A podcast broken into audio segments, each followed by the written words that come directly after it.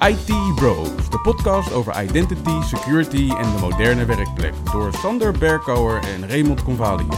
Wekelijks praten we je bij over de laatste ontwikkelingen en ontmoeten we interessante gasten.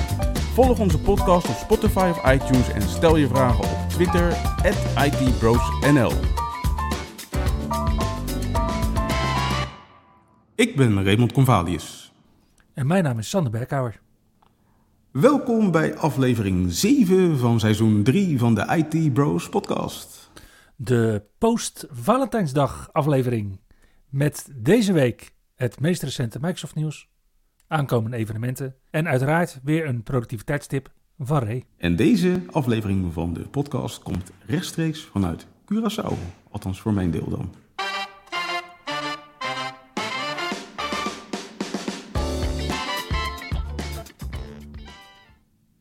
Ja, ik denk dat oplettende luisteraars inderdaad de echo ook wel meekrijgen, ja.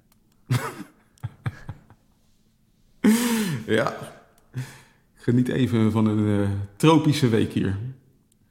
Super. Maar ook vanuit de tropen gaat Microsoft gewoon door met de ontwikkeling van Windows 11.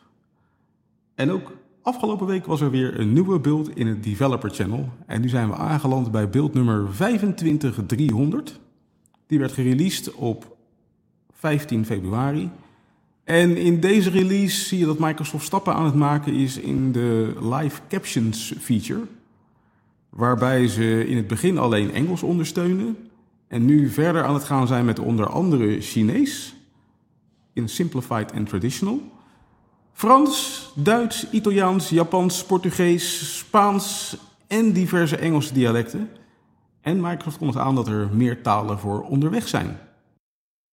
Verder zie je dat Microsoft aan het uh, experimenteren is met de Snap feature. Waarbij ze onder andere de icoontjes van de actieve applicaties laten zien in de preview van de Snap feature. En verder zijn er diverse fixes doorgevoerd, waaronder eentje waar ik volgens mij zelf last van heb gehad de afgelopen week, want mijn Python-applicaties deden het opeens niet meer de afgelopen week. En dat is waarschijnlijk het gevolg geweest van een issue met de Get Known Folder API, die diverse applicaties deed crashen. Dan horen we ook nieuws van beheerders die moeite hebben met Windows 11 22H2 uit te rollen. We hebben hulp van Windows Server Update Services. In het Nederlands noemen we dat gewoon WSUS.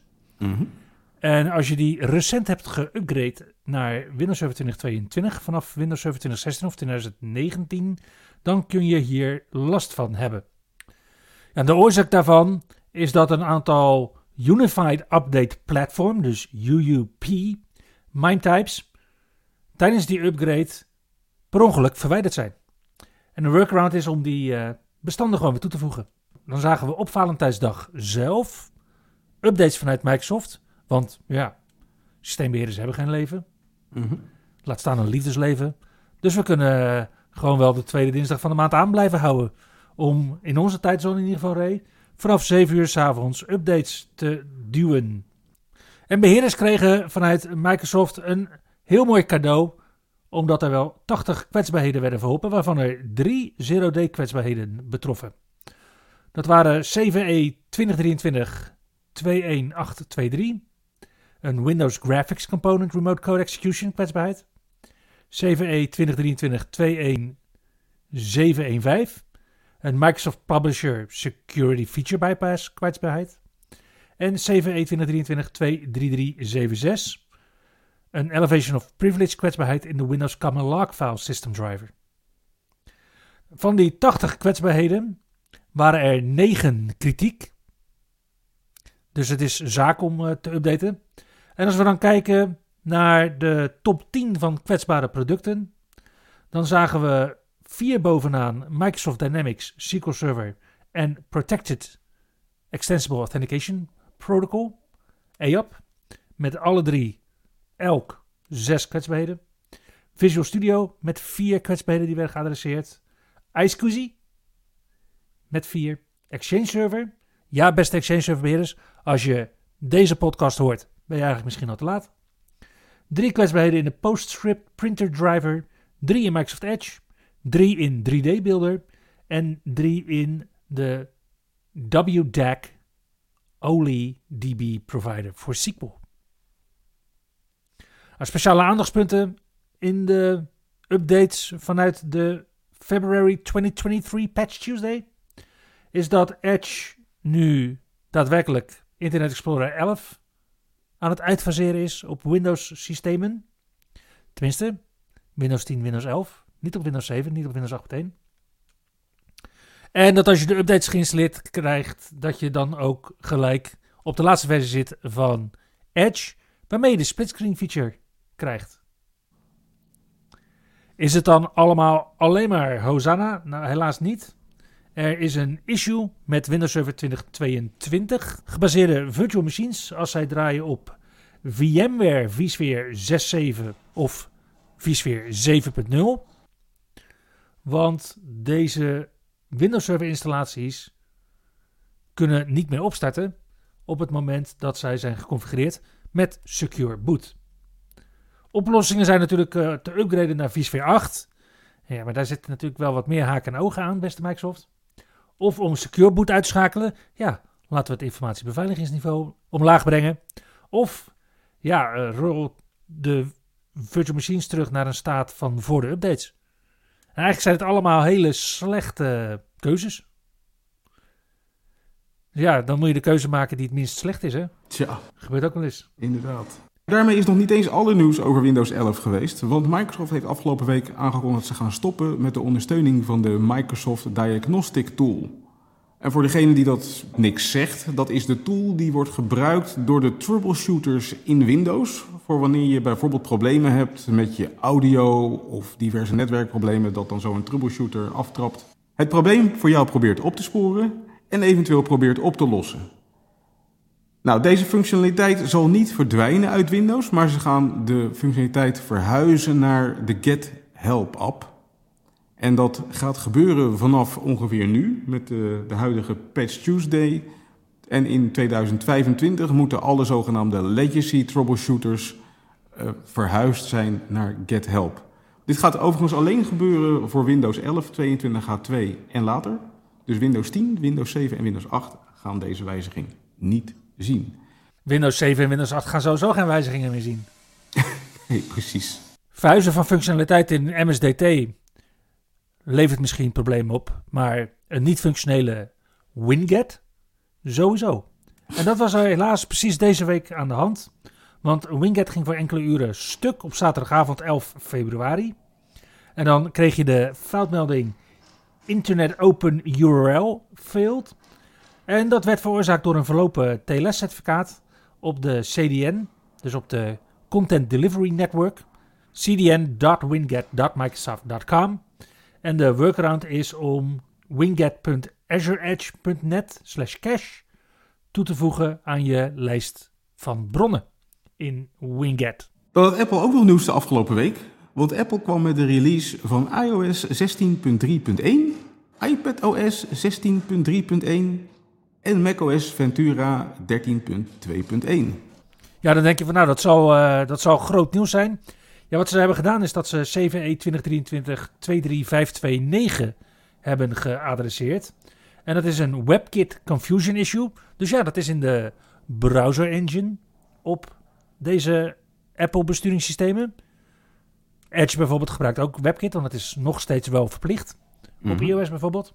En wanneer een kwaadwillende die issue aanvalt, dan kan hij ervoor zorgen dat het eh, besturingssysteem eh, op zijn plaat gaat. Of hij kan eh, code op afstand uitvoeren. Nou, de afgelopen week werd het nieuws al aardig gedomineerd door ChatGPT. Aha. En dat was deze week eigenlijk niet anders. Het begon onder andere met een interview met Corporate Vice President en Consumer Chief Marketing Officer van Microsoft, Youssef Mehdi. Die aangeeft dat er inmiddels miljoenen mensen op de wachtlijst staan voor de nieuw Bing powered by ChatGPT. Inmiddels worden de eerste uitnodigingen al uitgestuurd. Ik heb eh, met enige jaloezie al gezien hoe enige collega's inmiddels eh, los aan het gaan zijn op eh, de chat in de nieuwe Bing. Mhm. En de truc om bovenaan de wachtlijst te staan is het installeren van de Bing-app, zoals we vorige week al vermelden, waarbij je dus akkoord moet gaan met een aantal nieuwe defaults in je Edge-browser, zoals het gebruik van Bing voor zoeken en het accepteren van de homepage van MSN in je browser. Oftewel, de standaardinstellingen van Windows. Yes. Dan zagen we ook dat OpenAI, de organisatie achter ChatGPT, nu ook het ChatGPT Plus abonnement beschikbaar maakt in Nederland en België. Het is een uh, abonnement van zo'n 20 dollar per maand, exclusief BTW. Wat beschikbaar is in Nederland, België, Duitsland en Frankrijk. En je kunt deze aanschaffen sinds vrijdag 10 februari. En dan dacht je dat je alles gehad had? Nee hoor, want ook andere browsers hebben door dat je met ChatGPT wel hele leuke dingen kan doen. Dus Opera heeft hier uh, dankbaar gebruik van gemaakt. En heeft een nieuwe functie beschikbaar gemaakt in haar browsers, waarbij ChatGPT gebruikt wordt om een samenvatting van een bezochte webpagina te laten zien in je browser. Dus uh, ja, het is niet alleen Microsoft die het uh, handig aan het toepassen is in zijn browser, maar ook Opera gaat hier inmiddels mee aan de slag. En ook GitHub is met functionaliteit bezig. Het is, het is een levendige wereld. Ja, zo zie je nu steeds meer ook zeg maar andere alternatieven naar boven komen voor ChatGPT. En ik ben voorzichtig ben ik wat dingetjes aan het uitproberen. Dus uh, ik denk dat we hier binnenkort nog wel wat leuke dingetjes over kunnen melden. Ah, zo concreet als productiviteitstips misschien? Wie weet. Maar nog niet deze week. Oké. Okay.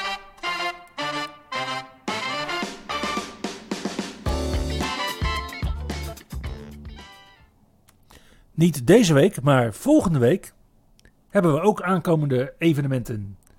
Op dinsdag 21 februari van 5 uur middag tot 9 uur s avonds kun je aansluiten bij de Microsoft Security NL User Group voor hun februari 2023 meetup, waar Leo Visser presenteert over het verbeteren van beveiliging met je eigen PS Gallery en waar Erik Loef toont hoe je je kunt voorbereiden voor wanneer de bruine substantie de ventilator raakt.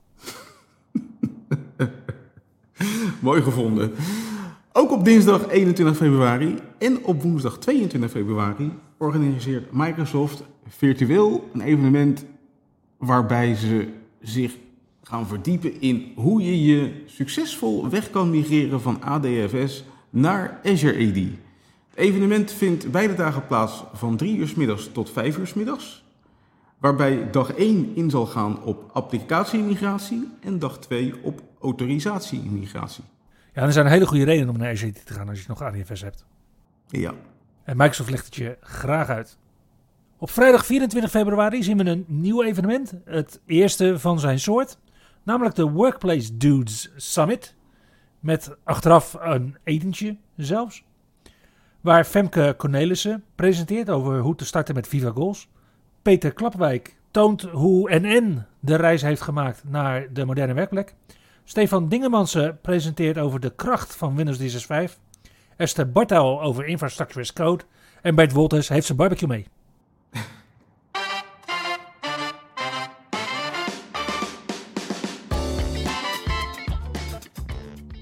Hey Ray, wat is de productiviteitstip van deze week? Nou, degenen onder ons die zich af en toe bezighouden met streaming, die hebben wellicht ooit een Stream Deck aangeschaft. Dat is een uh, ja, apparaatje voorzien van een aantal knoppen. Variërend volgens mij van 8 tot 24 of 32 knoppen zelfs, de grootste Stream Deck. En met zo'n Stream Deck kan je dan dus tijdens je livestream bijvoorbeeld allerlei overgangen laten starten of kiezen voor een achtergrondje, etc. Maar sinds deze week is er ook integratie voor Microsoft Teams beschikbaar voor de Stream Deck. En dan kan je dus echt hele leuke dingen gaan doen om je productiviteit te verhogen met die Stream Deck. Zo kan je met de Stream Deck integratie voor Teams bijvoorbeeld eh, je microfoon of je camera in of uitschakelen. Kiezen voor een virtuele achtergrond. Een handje opsteken in je Teams meeting. Je recording stoppen of starten. De Teams meeting verlaten. Of live emojis laten zien als reacties op wat er gebeurt tijdens je Teams meeting. En, en hoe configureer je dat? Hoe, hoe ga je daarmee starten? Als je er nog zo een in de kast hebt liggen. Nou ja, het begint ermee dat je vanuit de Elgato App Store de Teams plugin moet installeren. En als je die eenmaal hebt geïnstalleerd, dan krijg je dus de optie om al jouw knoppen te voorzien van Teams logo's. Waarbij je dus kan zien wat je ermee kan doen. En dan wordt het opeens een hele nuttige productiviteitstool. Zeker. Helaas is dit er nog niet voor de webapp van Teams. Maar als je gebruik maakt van de Teams Full Client, dan is dit eh, een leuke aanvulling op je productiviteit met een Stream Deck. Ja, die App Store die krijg je te zien eh, vanuit de, eh, de management tool van Elgato. Dus je hebt zeg maar een, een app die je installeert op je PC als je eh, de Stream Deck gebruikt. Ja. En, en in die app kan je dan vervolgens de plugins ophalen vanuit de Elgato App Store. Oké. Oké. Dus een vernuftig apparaatje. Gaaf. Daarmee komen we aan het eind van aflevering 7 van seizoen 3 van de IT Bros podcast. Dankjewel voor het luisteren en tot volgende week. Tot de volgende keer. Je luisterde naar IT Bros, de wekelijkse podcast over identity, security en de moderne werkplek. Abonneer je op Spotify, iTunes of Google Podcast als je de volgende aflevering niet wilt missen. Heb je hints of tips? Laat dan van je horen op Twitter. @itbrosnl